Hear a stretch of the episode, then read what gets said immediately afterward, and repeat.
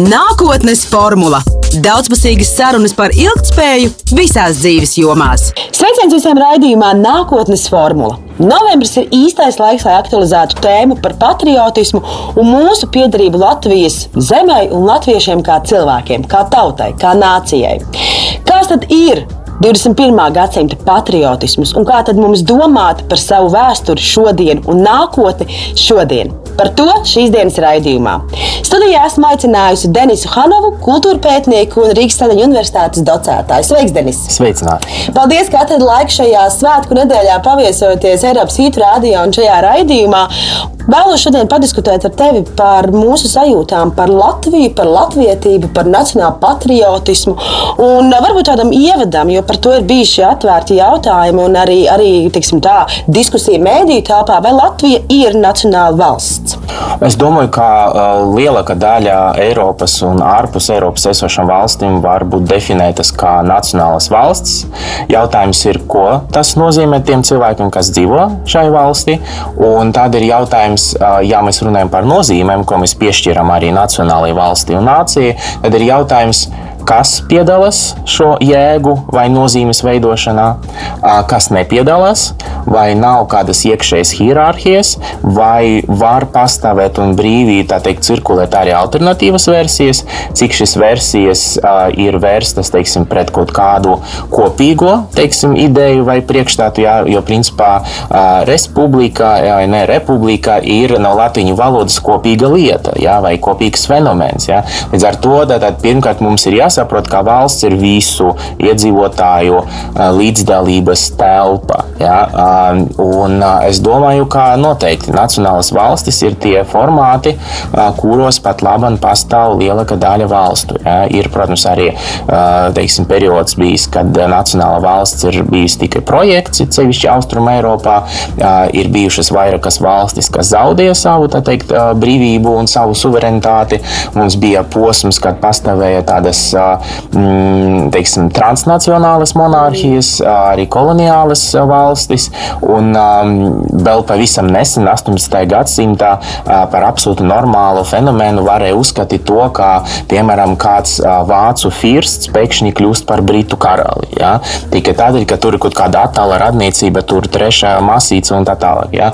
Vai, piemēram, kāda vācu princese pēkšņi kļūst par, vai princis, vai ne, kļūst par Krievijas ķēzaru. Ja? Līdz ar to tas pat labi ir gandrīz neiespējams. Ja mēs iedomājamies, piemēram, par mūsu premjeru varētu kļūt nezinu, Vācijas ziemeļpilsētiņas vai ne, kāds cilvēks, ja viņš nav teiksim, kļuvis par, par Latvijas pilsoni. Bet mēs vienkārši redzam arī to, ka nācija un nacionāla valsts nav kaut kas vienmēr bijis un mūžīgs. Tas ir noteiktā posmā, noteikta laikmeta fenomens. Bet viss mainās un viss attīstās. Tādēļ arī principā nācija un arī nacionālajā valstī ir jāattīstās. Tā nevar būt iekonservēta. Un tad tur atkal mēs atgriežamies pie tā pirmā jautājuma, kas tad piedalās īsti pie sarunas par to, kādai nācijai nākotnē ir jābūt. Kādu vietu tavuprāt cilvēka dzīvē un personības attīstībā vispār ieņem valsts? Un vai tavuprāt šai lomai būtu jābūt teiksim, tā, kādai tādai fundamentālai? Nu, es domāju, ka mēs varam sākt ar to, kas ļoti nepatīk varbūt uh, nacionalistiski noskaņotiem cilvēkiem. Uh, proti, tas, kā mūsu piedzimšanas fakts un mūsu saikne ar kādu nāciju, tautu vai valsti ir tomēr likteņa nejaušībā. Tas ir jautājums par to, kur atrodas mūsu vecāki un kur atrodas viņu vecāki. Līdz ar to tur ir tik daudz, tik, tik daudz nejaušību un iespēju visu ko mainīt, sevišķi globālajai sabiedrībai. Ne? Mēs zinām, ka ļoti daudzi latvieši ir emigrējuši, un līdz ar to pat laban daudzu latviešu identitāte ir vismaz divas valstis. Tātad divas sabiedrības mm. un krietni vairāk kultūra nekā mēs varam iedomāties. Ja? Līdz ar to es domāju, ka priekšstats par vienu kultūru, par vienu telpu un par vienu nāciju nu, jau sen globalizācijas apstākļos ir kaut kāds tāds relatīvs un apšaubāms. Bet nu, es domāju, ka šeit mēs arī tuvojamies um, jautājumam par, manuprāt, tādu loģisku kļūdu. Ja? Proti tas, ka vienas kultūras un vienas nācijas klātbūtne mūsu apziņā un mūsu identitāte neizslēdz vēl citu valstu sabiedrību un kultūru klātbūtni. Ja? Mēs jau sen zinām gan no lauksaimniecības, gan no botānikas iedzienu hibrīds. Jau ļoti, ļoti sen, jau kādus 20, 30 gadus, mēs varam attiecināt šo iedzienu arī uz cilvēkiem. Ja? Teiksim, pazīstams brītu kultūrpētnieks Peters Bergs, kurš starp citu kādreiz bija viesojies Latvijā. Viņš ir uzrakstījis grāmatu par kultūru hibriditāti, ko mēs esam tulkojuši arī uz latviešu valodu.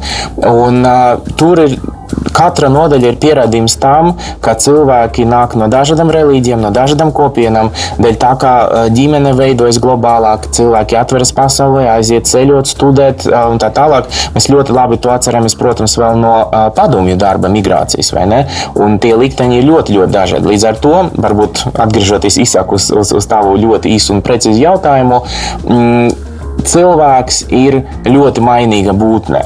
Cilvēks, cilvēkam ir milzīgas prasmes pielāgoties un nonākot citā vidē, apgūt kaut kādas citas iemaņas, kvalitātes, emocijas, uzvedību. Līdz ar to es domāju, ka nekas nav stabils, bet laba ziņa katram no mums ir tas, ka aiz šīs nestabilitātes var paslēpties arī izvēle. Bet pie izvēles atkal ir jāpierod. Tādēļ man liekas, ka ir ļoti svarīgi atdalīt, teiksim, domāšanu par nāciju un par dzimteni, tātad par to pašu patriju, ja patriotismu no, no tāda agresīva, izslēdzoša nacionālisma. Un te, kā saka, Odessa ir divas dažas, dažādas atšķirības. Ja? Un līdz ar to tas ir nu, tas, tas būtiskākais jautājums, kur man ir pretenzijas pret uh, nacionalistiskām ideoloģijām. Jau piesauci šo te terminu, kas jā, ir šī globalizācija. Kāda, tavuprāt, mums vispār latviešiem veidoja šī identitātes telpa un varbūt tās, kas arī tas, kas parādās pētījumos?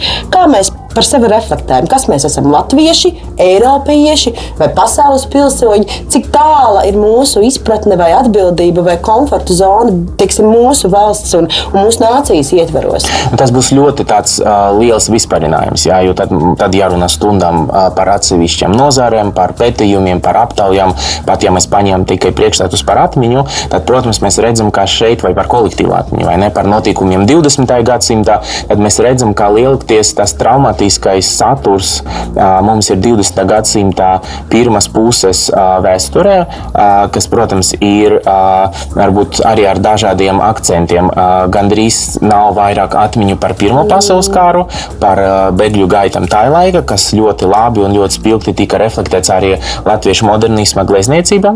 Pietiek aiziet uz Nacionālo mākslas muzeju, lai tur redzētu, teiksim, Grosvaldu, Kazāku, Sūtu un tā tālāk. Bet, protams, ir 40 20. gads, kā milzīga cezūra vairāku ģimeņu biogrāfijas. Es saku vairāku tādēļ, ka principā arī šajā posmā cilvēki varēja turpināt pastāvēt. Un šeit nu runa ir par to, ka tā bija arī tā teikt, piespiedu kolaboracionisms, jā, jo bija jādzīvo jauna vide, bet tūkstošiem, tūkstošiem ģimeņu tā bija traģēdija fiziska, emocionāla, daudzkārtēja. Līdz ar to tas, jo, jo bija vairākas izsūtīšanas, bija teiksim, atkārtotas deportācijas deportācijas. Plus, pat ja mēs nepieskaramies tik traģiskam konkrētam aktam, jā, kas ir noziegums bijis, jā, mēs runājam arī par to, kā eksistē bail, baiļu telpa, kā eksistē telpa, kurā vāra varēja darīt jebko. Mēs to labi redzam arī Baltkrievijā. Šie šausminoši video, kur cilvēkus vienkārši nolaupa kā, kā, kā, kā, kā dzīvniekus un sīt un, un, un nogalina.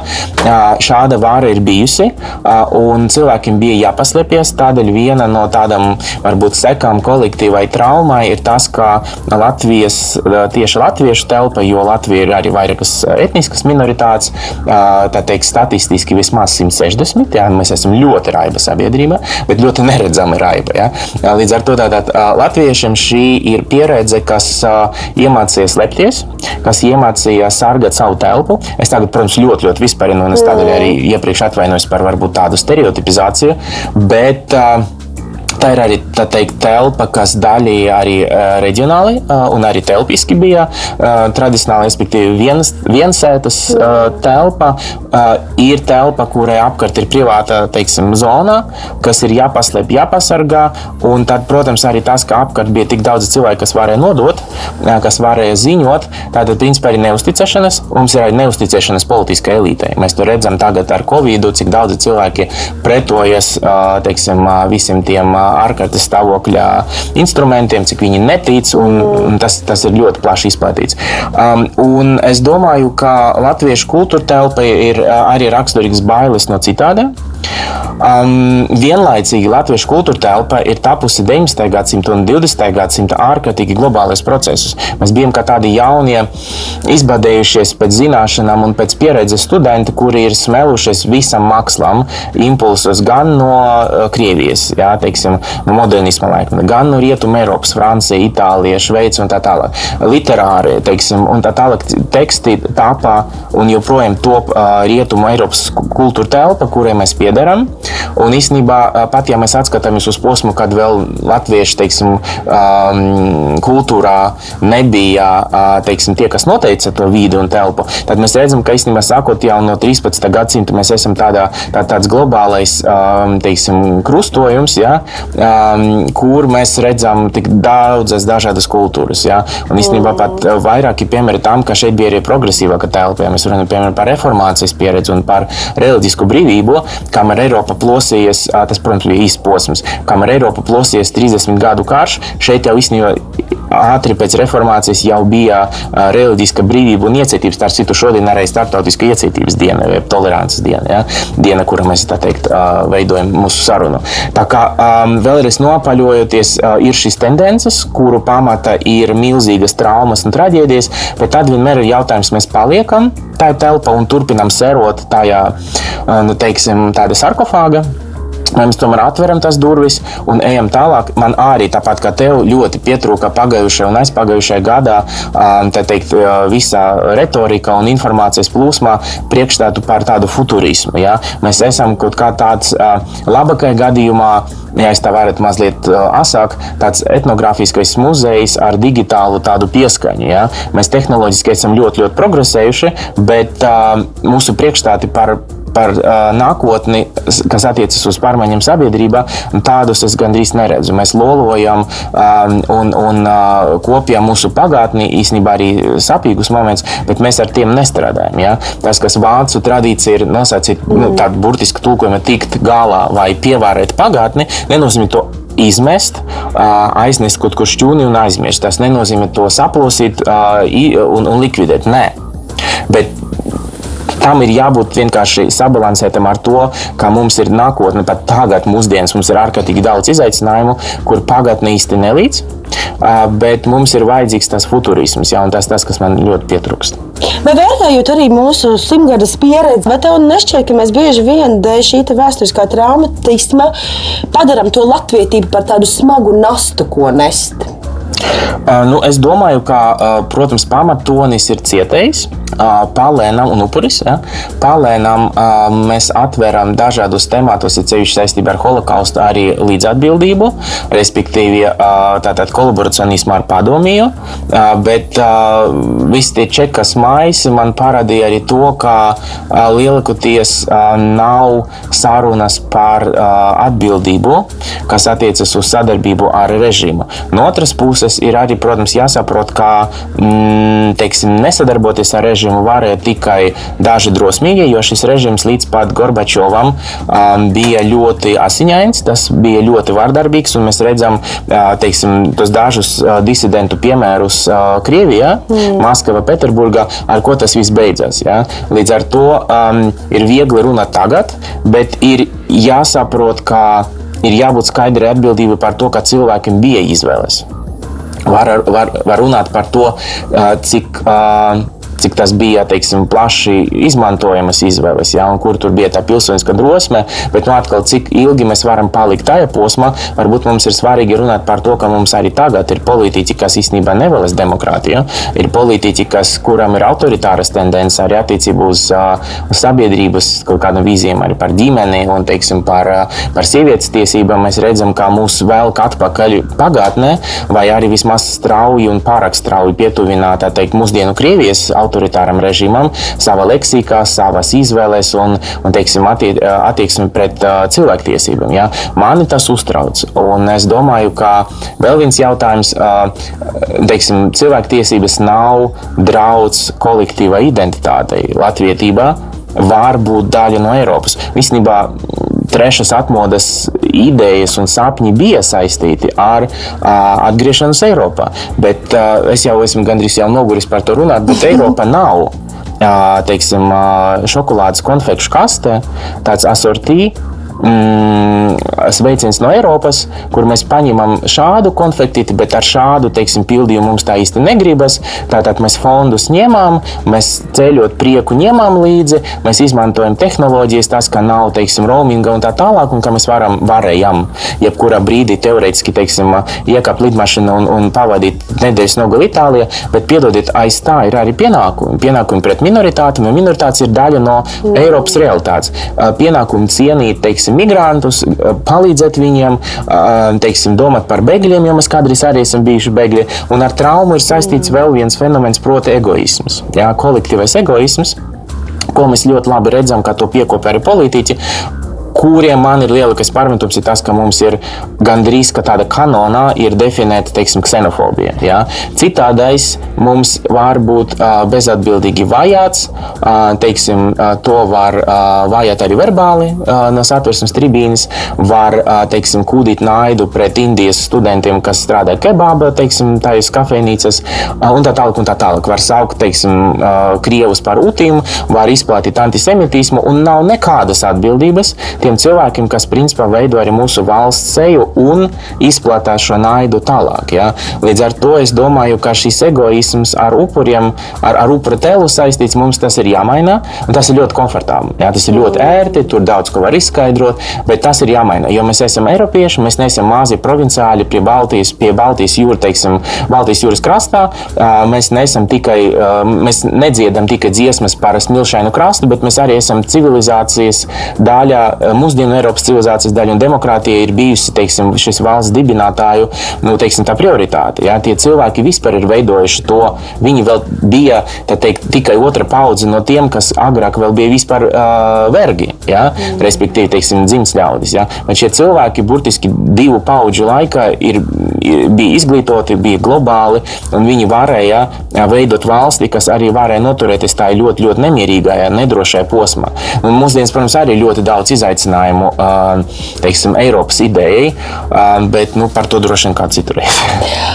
par briedumu. Man šķiet, ka tas, ko tu stāstīji, un tās, tās paralēlas, ko tu savāc kopā, vai mēs varētu varbūt tās domāt par to, ka mēs vienkārši vēl neesam nobrieduši tajā savā spējā cienot un atzīstot savu pagātni, tā pašā laikā ieraudzīt arī kaut kādas lietas, kas varbūt tās ir kritiski vērtējamas, ja ko tu saki par šīm izvēlēm, ja, kas bija jebkura cilvēka rokās, ja, un arī par to, kā to definēt šodien un kā to, kā to vīziju virzīt uz nākotni, kas tad mēs vēlamies būt.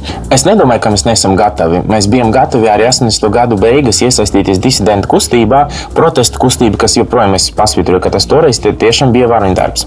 Un tā bija drosme. Ja? Mums bija sociālā drosme, mums bija arī teiksim, pilsoniska drosme.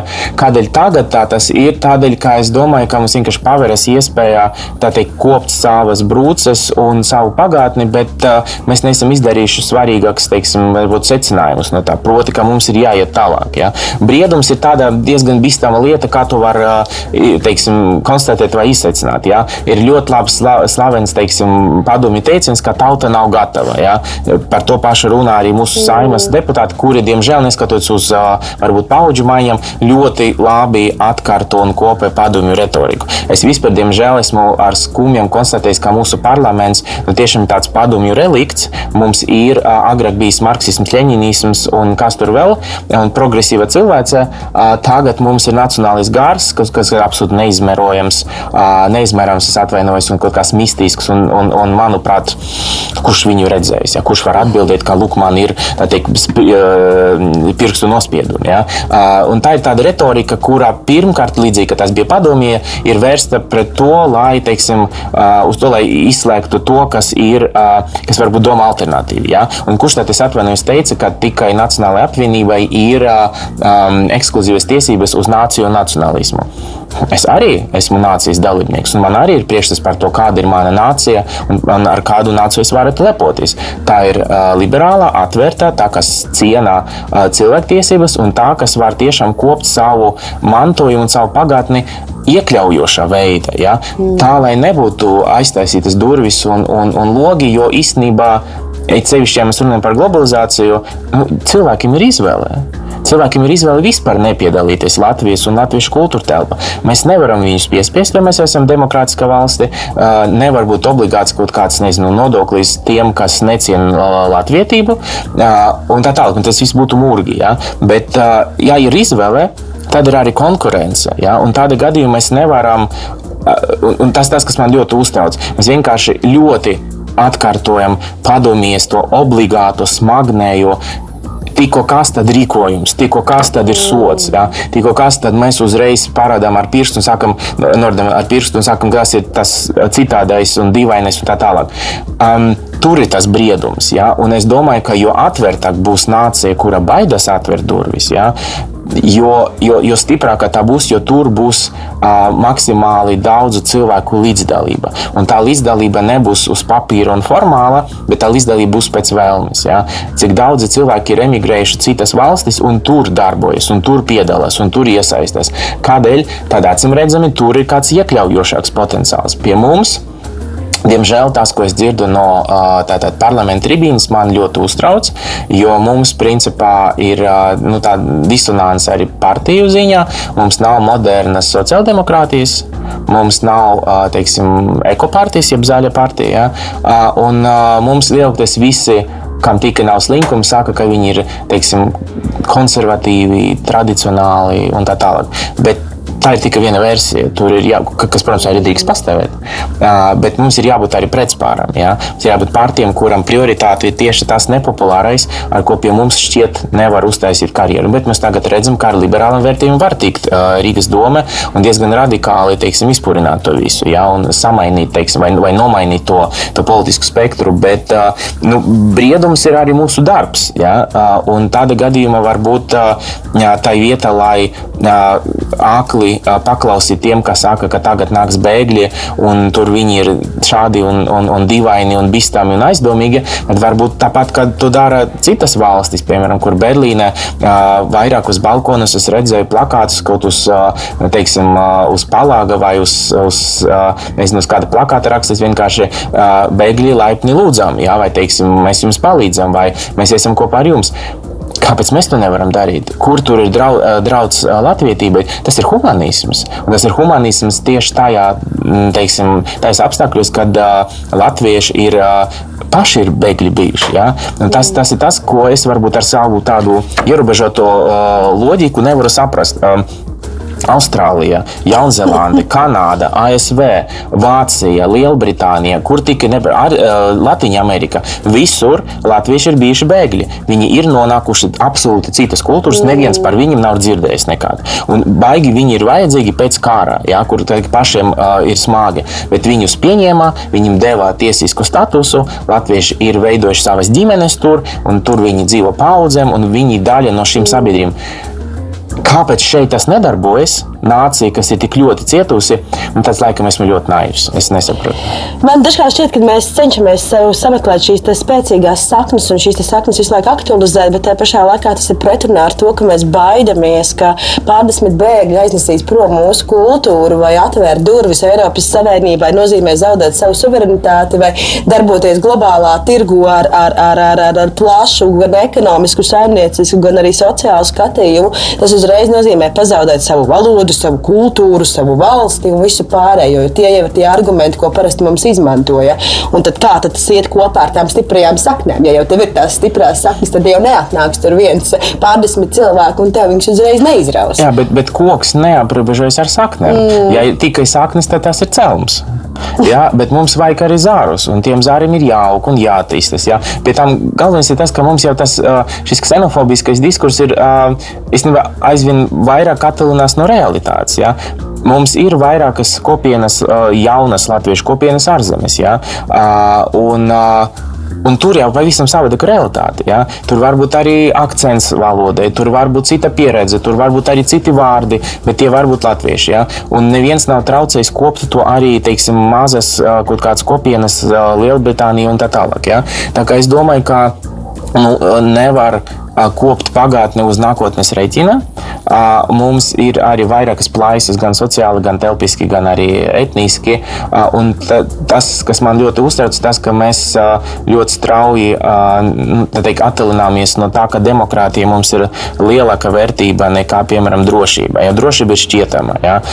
Negribu tagad neko sludināt, bet mūsdienu pasaule, un īstenībā pasaule vienmēr bija nedroša. Es tagad veidoju vienu izstādi par 17. gadsimtu, kas tur tikai nav bijis. 30 gadu karš, kontrreformācija, slimības, epidēmijas un tā tālāk. Tā tālāk. Nav neviena droša posma. Ja mēs runājam par zelta ulmaņa laikiem, paskatieties ekonomiskus radītājus, ja paskatieties kriminalitāti un tā tālāk. Un, tā tālāk. un starptautisku vidi, kura mēs tur bijām teik, pārdevuši tur, visai pasaulē mūsu lauksaimniecības preces. Ja? Tā kā zelta laikmeti nav bijuši. Tā ir cilvēku fantāzija un vēlme atpūsties vai neatrast drošu telpu.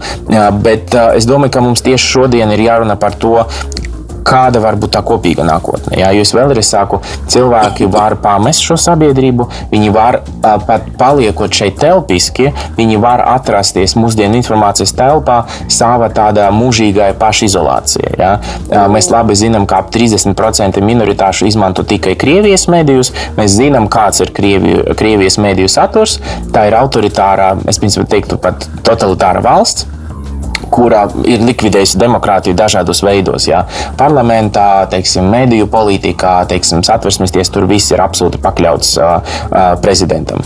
Mēs šādu nākotni gribam. Nē, tādā gadījumā mums cilvēki, kas dzīvo un domā tur, Mums viņi jādabū atpakaļ. Bet ko mēs dzirdam? Mēs dzirdam lielākoties uh, naidarunu, mēs dzirdam ksenofobisko uh, teiksim, priekšstatu, un mēs dzirdam arī visādas teiksim, uh, aizdomu ēnas, kas tiek smeltas no pagātnes. Ja? Mums akūti ir vajadzīga nākotne.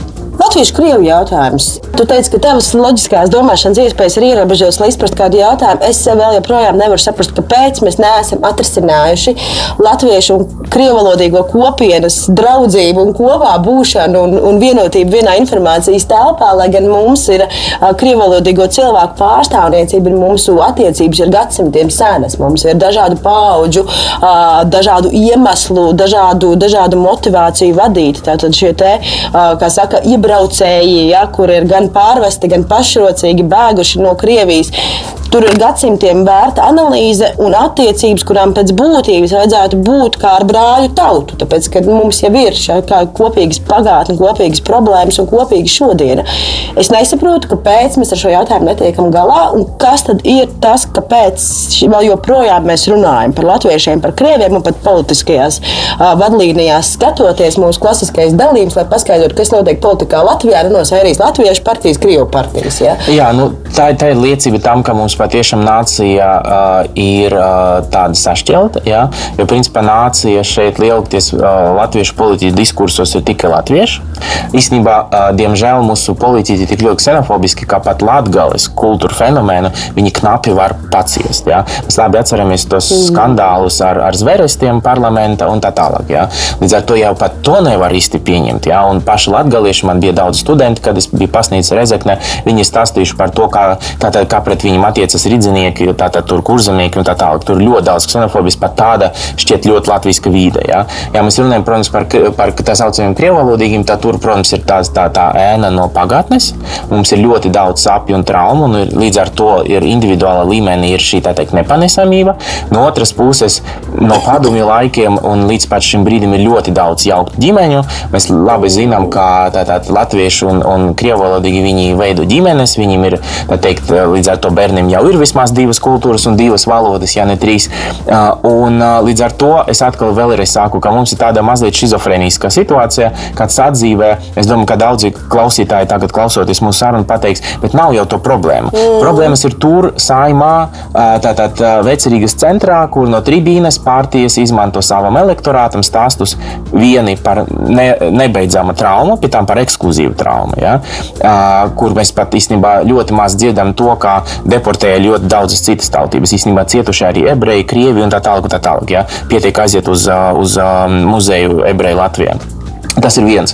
Otrais, protams, ir arī tas, ka tā nosacīta minoritāšu puse politiķi līmenī arī to pašu izmanto. Ja? Mm. Tur nav kaut kāds cits teiksim, diskurss par to, kā mēs gribētu būt daļa par Latvijas sabiedrību. Ja? Tur ir stāsts par šo teikt, nesenu traumu, proti, par mm. pilsonības likumu. Ja? Jo tur pastāv šis noturīgais teiksim, narratīvs, jeb stāsts par, par nodevību, par to, ka mēs bijām kopā ar jums tautas fronti. Tā bija Un tā arī nebija. Jā, respektīvi, daļa bija, daļa bija interfrontā un kas tur vēl. Jā. Līdz ar to vienkārši mums arī jāpierod, ka bija tā, bet arī tā, tā un tā. Jā. Un no tā mums kaut kā, nu, mums ir Lenam jāpierod, ka nav tur mācību grāmatas beigas vienā pareizā atbilde. Tu nosacīt plus 20,5. Viss. Mēs saņemam to, sasniedzam un viss ir pareizi. Nē, tur var būt ļoti daudz dažādu atbildžu. Pat tas, ka atbilde ir neskaidra. Jā. Un tā, man liekas, ir labākā situācija. Tātad es, man pašam ir arī vairāki raidījumi raidījumi krievalodīgiem.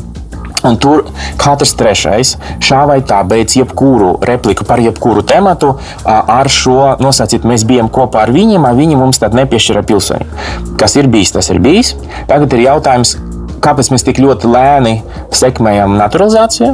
Kāpēc publiskai telpai es nekad neesmu redzējis tādu spēcīgu, attraktīvu kampaņu, kļūsti par latvieti, saglabā visu savu kultūru, nāc, pievienojies, iemācies valodu, būs labi, būs interesanti, varēsi, es nezinu, pat nu, ar humoru, bet tas tagad, protams, ir sarežģīti nosacīt gribi, teiksim, mm, es nezinu, lamāt premjeru, lama viņu tā, lai viņš to saprastu.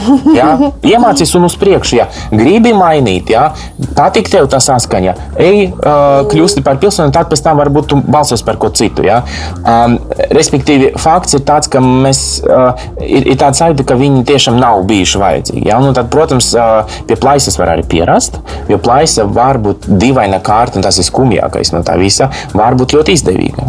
Ja? Var kaut ko nedarīt un skaidrot to ar plaisu var kaut ko tieši otrādi sasniegt. Jā, teiksim, triumfāli ieiet parlamentā, pēc, teiksim, pēc ilgas pauzes var izmantot izglītības reformas, teiksim, nekvalitatīvo um, teiksim, vestījumu, lai atkal tur tiktu. Tā kā nu, ir ļoti daudz, un, un es saku, kādā brīdī daudzi var saprast, ka šī plaisa un paralēli sabiedrības ir taču izdevīgas.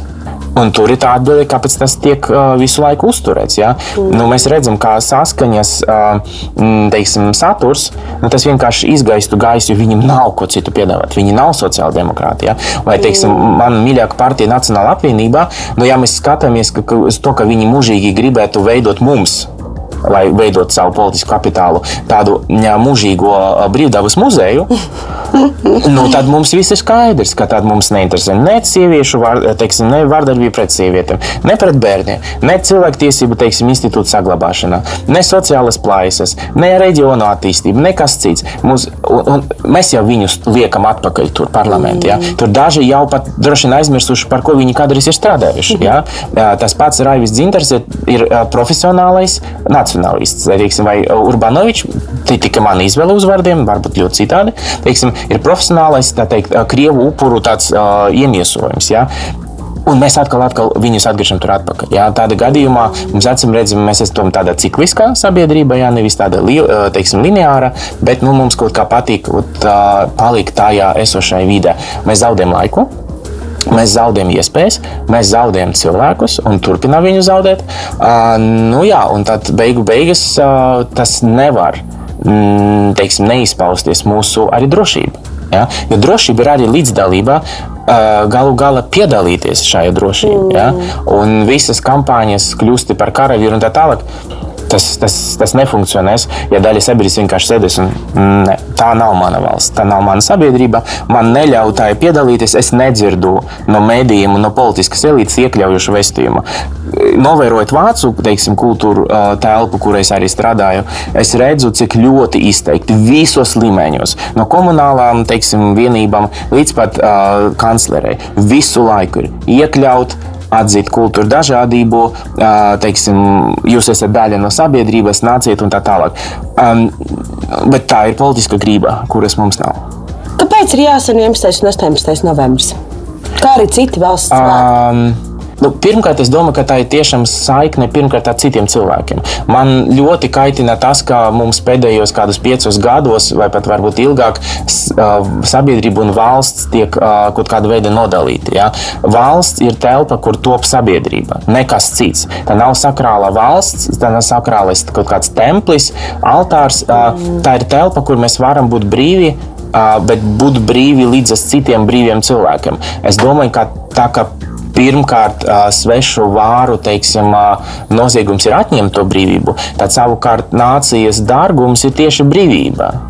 Jo īstenībā tā ja paša brīvība varēja saglabāt Latviju arī tad, kad Latvijas geogrāfiski nebija. Jā, ne geogrāfiski, bet teiksim, politiski. Jā. Tad, kad Latvija ir palikusi par atmiņām, bet to varēja arī restaurēt tieši pateicoties tam, ka bija šis brīvības ideja. Jo galu galā, ja vergam patīk būt vergam, tas viss atkārtots mūžīgi. Jā. Tikai tad, kad vergs saprot, ka, ka verdzība ir nepanesama, tad tad piedzimst šī brīvība.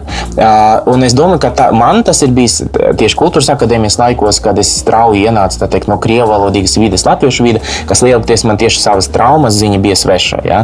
Mm. Un tad es liku tās vecītes, domājot par tiem cilvēkiem, es tur nediferencēju tur pēc tautību un tā tālāk, ka viņi tajā teiksim, novembrā augstumā teiksim, tur cīnījās un zaudēja savu, savu dzīvi. Ja? Ļoti jauni cilvēki, cilvēki kuriem vajadzēja vēl dzīvot, bet viņi ir, ir bijuši drosmīgi un, un viņi uh, viņus nogalināja. Uh, līdz ar to tā primāri, primāri teiksim, man tā ir saikne ar citiem cilvēkiem, ar pieredzi, uh, kuras man nav, bet arī iespēja atvērt savu telpu, atvērt savu apziņu. Uh, un, uh, man gribētos mazāk tāda pompoza, vairāk, lai tas būtu, ka mēs darām kaut ko labu citiem. Ja? Jo mēs tad uh, kaut kādu vienu dienu mēs, uh, ļaujamies šām, šīm noskaņām, un tad nākamajā dienā mēs atkal izslēdzam, mēs atkal izplatām naidarūnu, mēs atkal darām kaut ko sliktu. Ja? Uh, es domāju, ka, ka šie divi datumi ir, protams, simboliski ar to, kā mēs varam uh, sajust, ka mēs varam kļūt labāki.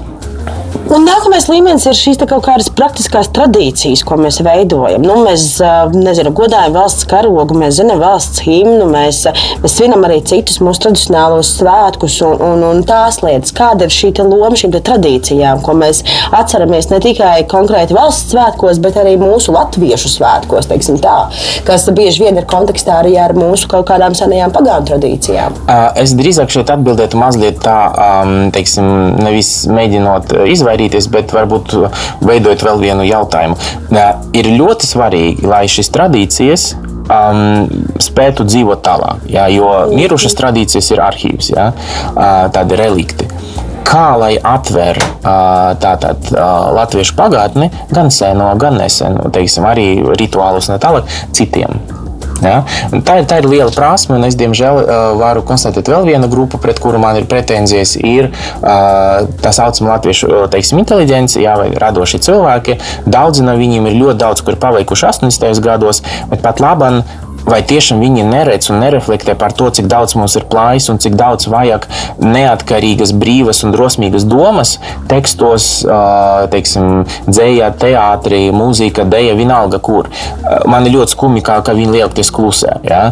Un es domāju, ka viņiem ir zinām, veida, tas uzdevums pārtulkot, ja? zināmā veidā, senu un tradicionālu un atvērt to citiem. Jo skaidrs ir, ka citādam daudz kas var likties sarežģīts, nesaprotams, varbūt dīvains, bet, bet var atvērt. Ja? Mm. Un, teiksim, tā saucamā, tā, tā, tā pati atvērta latvietība, nu, tas, tas ir uzdevums. Nevar vienkārši to uzrakstīt uz sienas un doties mājās. Ja?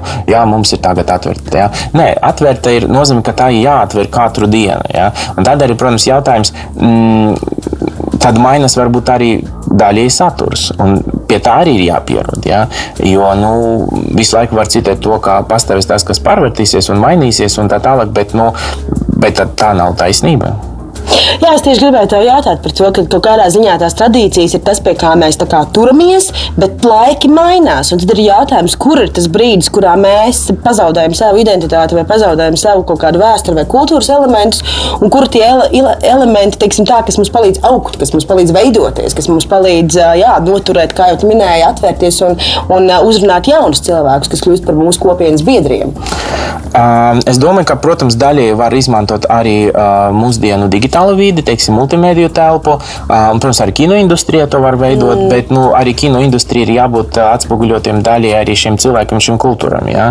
Tas, tas ir kaut kas ļoti svarīgs. Un, ja tas nenotiek, un ja mums ir ekskluzīvais stāsts par mūsu sāpēm, tad arī citu sāpes netiek sadzirdēts. Ja? Es domāju, ka arī latviešu jauniešiem ir ļoti svarīgi uzzināt, kādēļ, piemēram, viņu teiksim, nezinu, skolas biedru vai vēl draugu ģimenes domā savādāk, skatās citus medijus, skums par kaut ko citu vai dusmojas. Es domāju, ka nu, tam vienmēr ir jābūt arī tādai divu virzienu plūsmai. Nu, nevar vienkārši teikt, tā nācija, tagad mēs jūs kaut kā mazliet pārveidosim, tad jūs būsiet kā mēs.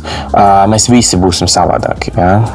Noslēdzot mūsu sarunu par skatu nākotnē, kā tev šķiet, ko mēs varētu darīt, lai uh, definētu sevi šodien un lai ieraudzītu nākotnes vīziju par to, kas mēs esam, kādu lomu mēs spēlējam, varbūt tās plašākā kontekstā un uh, kur mums ir liela vieta izaugsmē?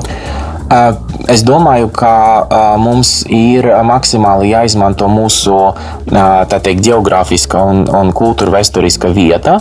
Proti, mēs esam dažādu kultūru telpā, mēs esam kompetenti un mēs dzirdam dažādas valodas un domāšanas sistēmas. Mūsos ir austrumu pieredze, mēs esam nenoliedzami rietumu Eiropas kultūras sastāvdaļa. Mēs esam um, ļoti prasmīgi. Mums ir priekšstats par teiksim, dzīves kvalitātes standartiem. Un, Es vienkārši domāju, ka mums ir vajadzīgs tāds uh, pamatīgs tāds rebrandings. Mums ir vajadzīgs zīmols, kas nav saistīts tikai ar uh, jauku, jaunu video klipu, bet ar to, ka mēs paši iekšā pārdefinējam sevi. Respektīvi, tas ir jānotiek, uh, ka tāds nu, vēstījums taču izplatās, vai ne? Ir kanāli, mēs labi zinām, ka tas nav vienkārši telegrāfa stāba, ka tagad no šodienas mēs esam tādi un tādi. Tam ir jābūt dažādos līmeņos, bet jāsaka ar politisko eliti. Tur man ir ļoti daudz, um, tā teikt, um, kritiski kritisku momentu un, un uh, pārmetumu. Tas ir viens. Otrais, mums ir arī jāsaprot, ka kultūra dažādība ir mūsu liktenis, no kura mums ir maksimāli uh, jāgūst kaut kādi labumi un, un, un bauda īstenībā, jo tad mēs esam kultūra kompetenti kas, protams, arī radošais industrijas ļoti, ļoti svarīgi. Mēs varam kļūt par uh, gudriem vidutājiem starp dažādām kultūra telpām, uh, es domāju, ka uh, mums uh, ļoti svarīgi arī izmantot šo uh, potenciālu, kur ļoti daudzi cilvēki asociē sevi sevi ar šo vidi, bet tam atkal un atkal ir jābūt pārmaiņai smadzenēs. Tas vēlējums valsts svētkos visiem latviešiem un arī krievalodīgiem cilvēkiem, kas klausās latvisko saturu. Kāds tās vēlējums noslēdzot mūsu sarunu šajās 2020. gada 18. novembrī? Padomājiet par citiem. Tas ir ļoti, ļoti svarīgi. Paldies, Denis, par interviju. EHR studijā viesojās Denis Hanovs, kultūra pētnieks un Rīgas Tara Universitātes docētājs. Priecīgus jums svētkus, novēlēšu arī no savas puses un līdz nākamajai reizei. Atā! Raidījums tapis sadarbībā ar Nacionālo elektronisko plašsaziņas līdzekļu padomi sabiedriskā pasūtījuma ietvaros.